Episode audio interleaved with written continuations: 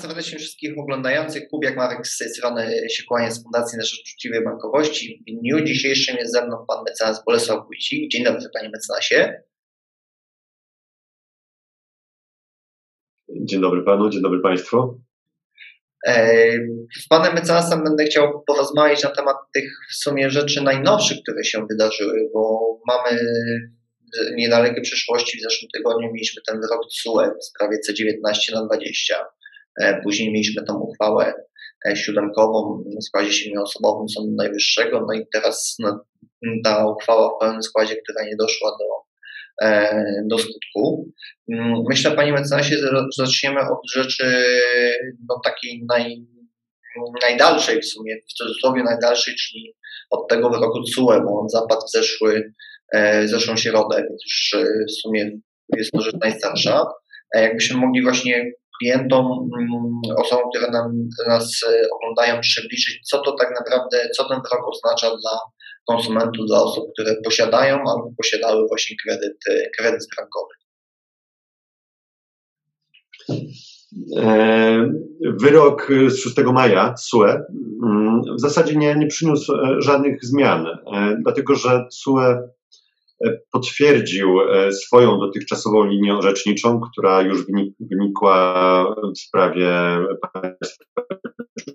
Baków przy poprzednim istotnym orzeczeniu, e, a z której wynika, że mm, skutki stwierdzenia w umowie e, nieuczciwych klauzul podlegają ocenie z punktu widzenia przepisów, przepisów krajowych.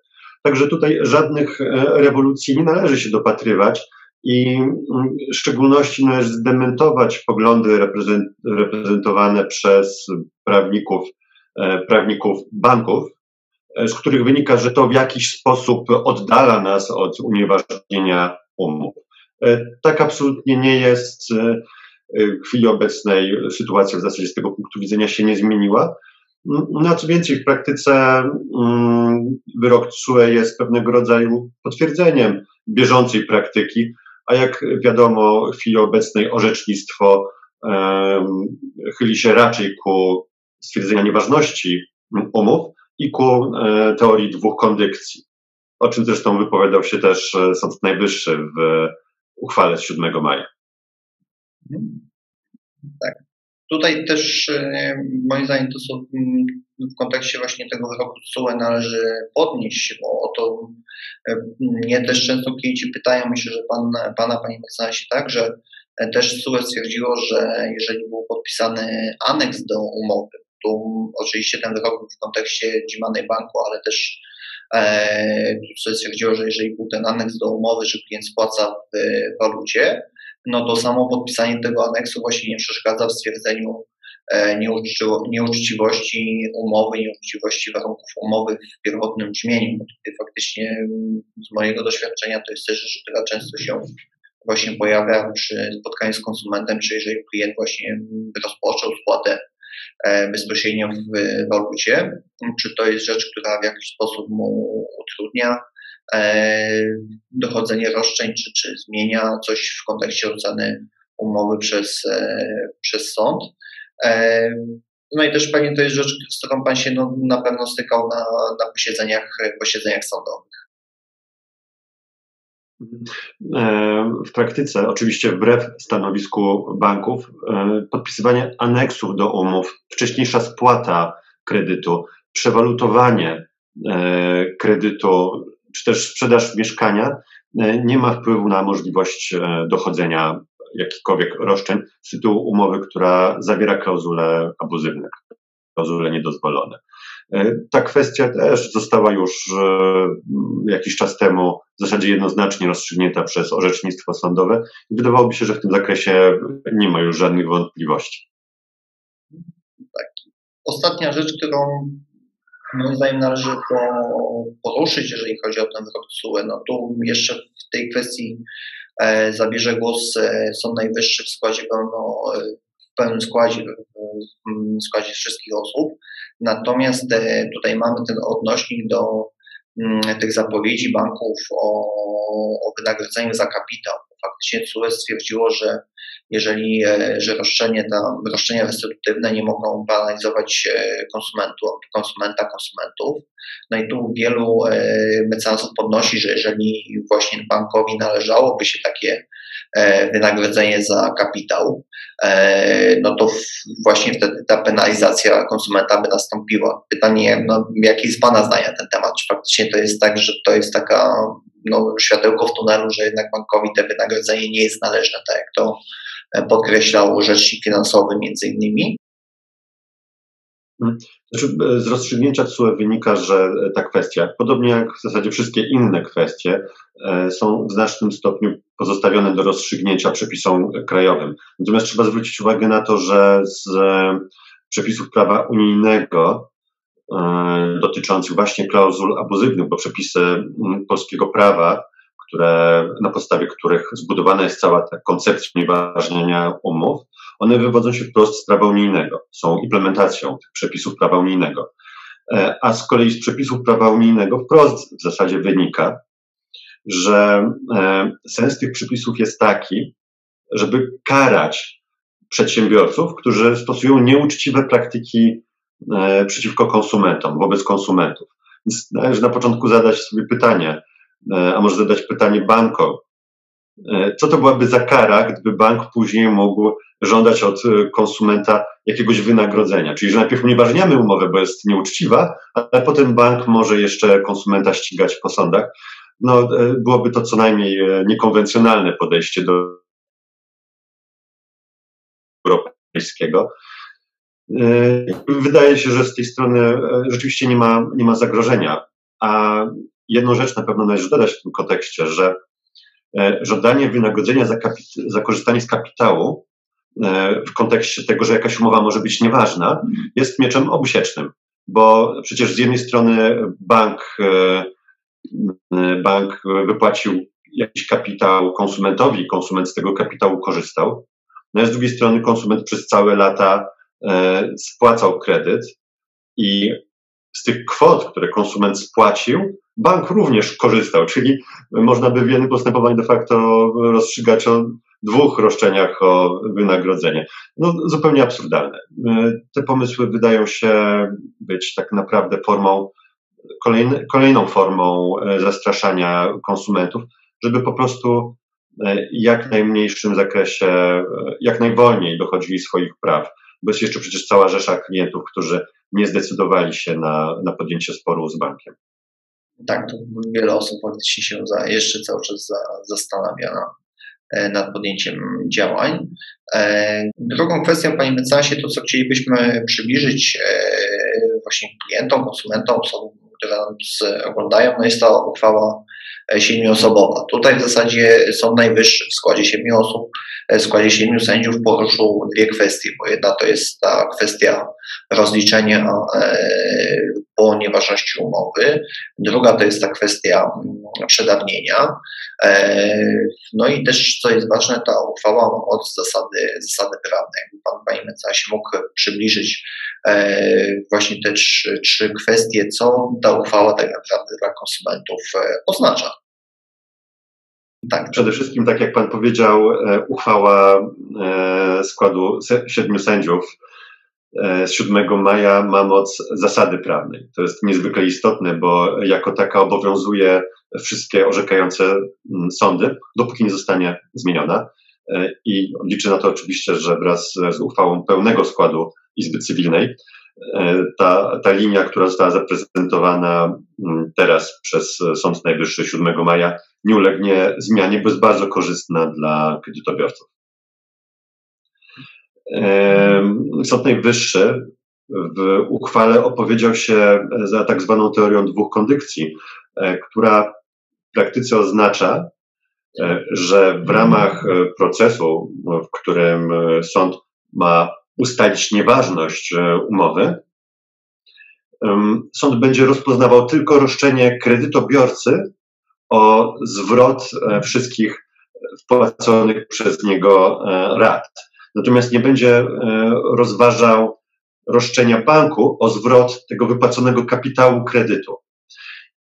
I to jest niezwykle istotne, dlatego że ma wpływ nie tylko na wzajemne rozliczenia stron, ale też na mm, rozliczenie potencjalnych kosztów procesu. Dlatego że, tak jak wiemy, są takie sytuacje, gdzie mm, kredytobiorca spłacił na rzecz banku mniej na dany moment, e, niż faktycznie zaciągnął tego kredytu. Więc gdyby tak nie stosować tej teorii dwóch kondycji, to wówczas e, wskutek unieważnienia e, sąd zasądziłby od kredytobiorcy na rzecz banku określoną spłatę. Czyli można by powiedzieć, że mimo, że wyrok byłby korzystny, no to jednak byłby ten niekorzystny element w postaci konieczności spłaty, co mogłoby się wiązać mm, z kolei z niekorzystnym rozstrzygnięciem w zakresie kosztów procesu. E, natomiast w sytuacji, kiedy sąd zastosuje teorię dwóch kondykcji, to te koszty procesu zostaną, e, powinny zostać konsumentowi, kredytobiorcy zwrócone. Czyli opłata sądowa, e, zaliczki na poczet biegłego, koszty zastępstwa adwokackiego, te kwoty będą, będą podlegały zwrotowi przez bank na rzecz konsumenta. Sąd Najwyższy e, w tej siódemkowej uchwale opowiedział się także za e, poglądem, zgodnie z którym kredytodawca może żądać zwrotu wypłaconego kredytu dopiero w chwili, w której umowa kredytu stała się na trwałe bezskuteczna, trwale bezskuteczna.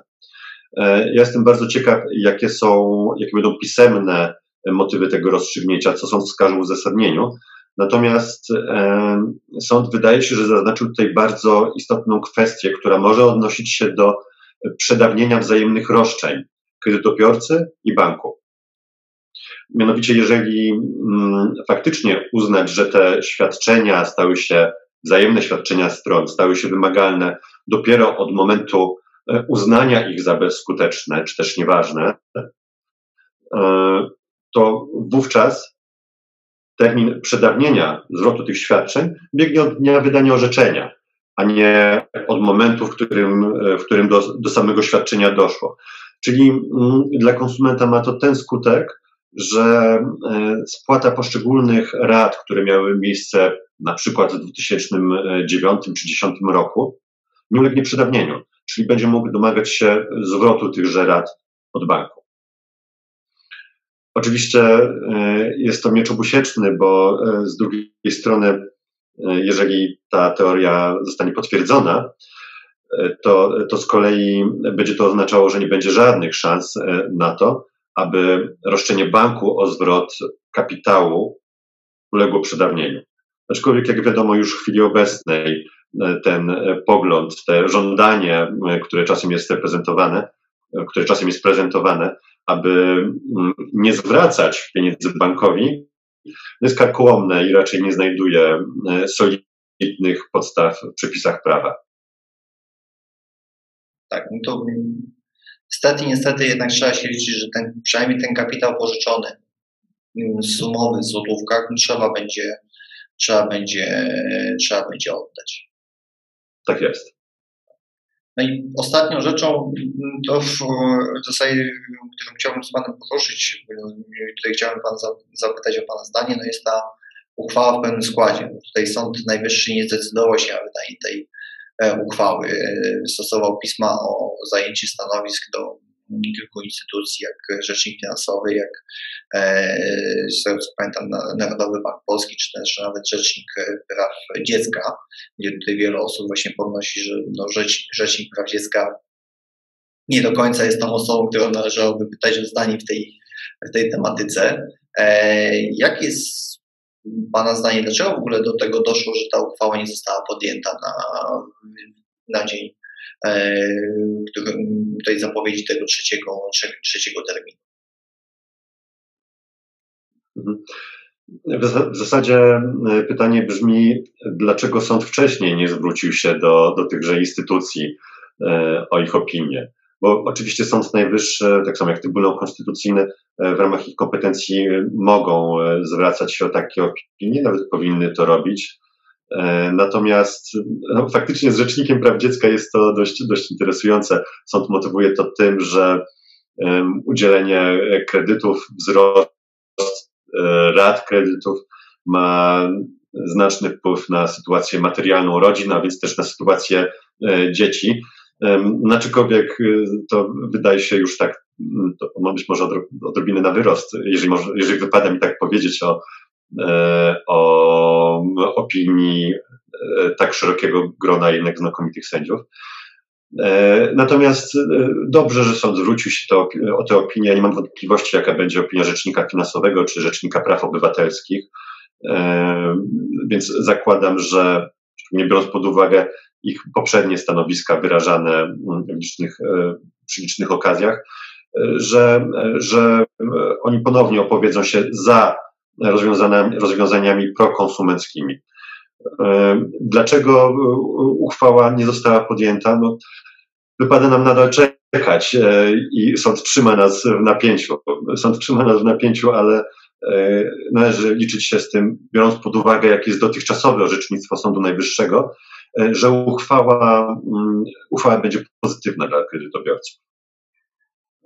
Czyli reasumując, panie mecenasie, no nie wiem kiedy, bo Sąd Najwyższy teraz nie, nie wskazał terminu, też argumentując o tym, że nie wie, ile poszczególnym E, poszczególnym podmiotom e, zajmie odpowiedź i przygotowanie takiego, takiej odpowiedzi dla Sądu Najwyższego.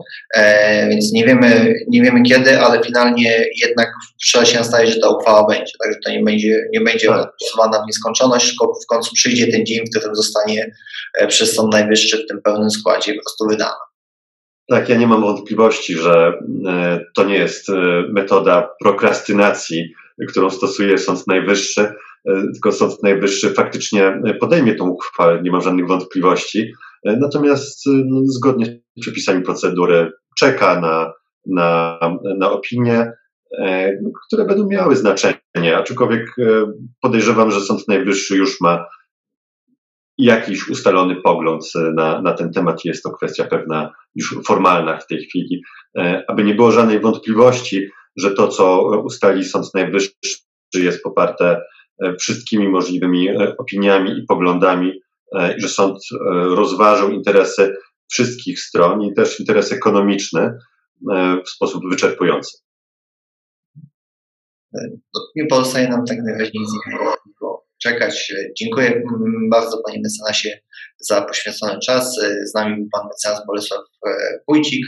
No i oczywiście wszystkie osoby, które mają albo miały umowy kredytowe, umowy walutowe, chciałyby sprawdzić, czy ich umowa jest zgodna z prawem, e, czy też nie i właśnie mamy podstawę do takiego procesu, o jakim rozmawialiśmy z Panem Mecenasem, no to zapraszam do kontaktu, czy to przez naszą stronę internetową fundacji, czy przez naszego Facebooka.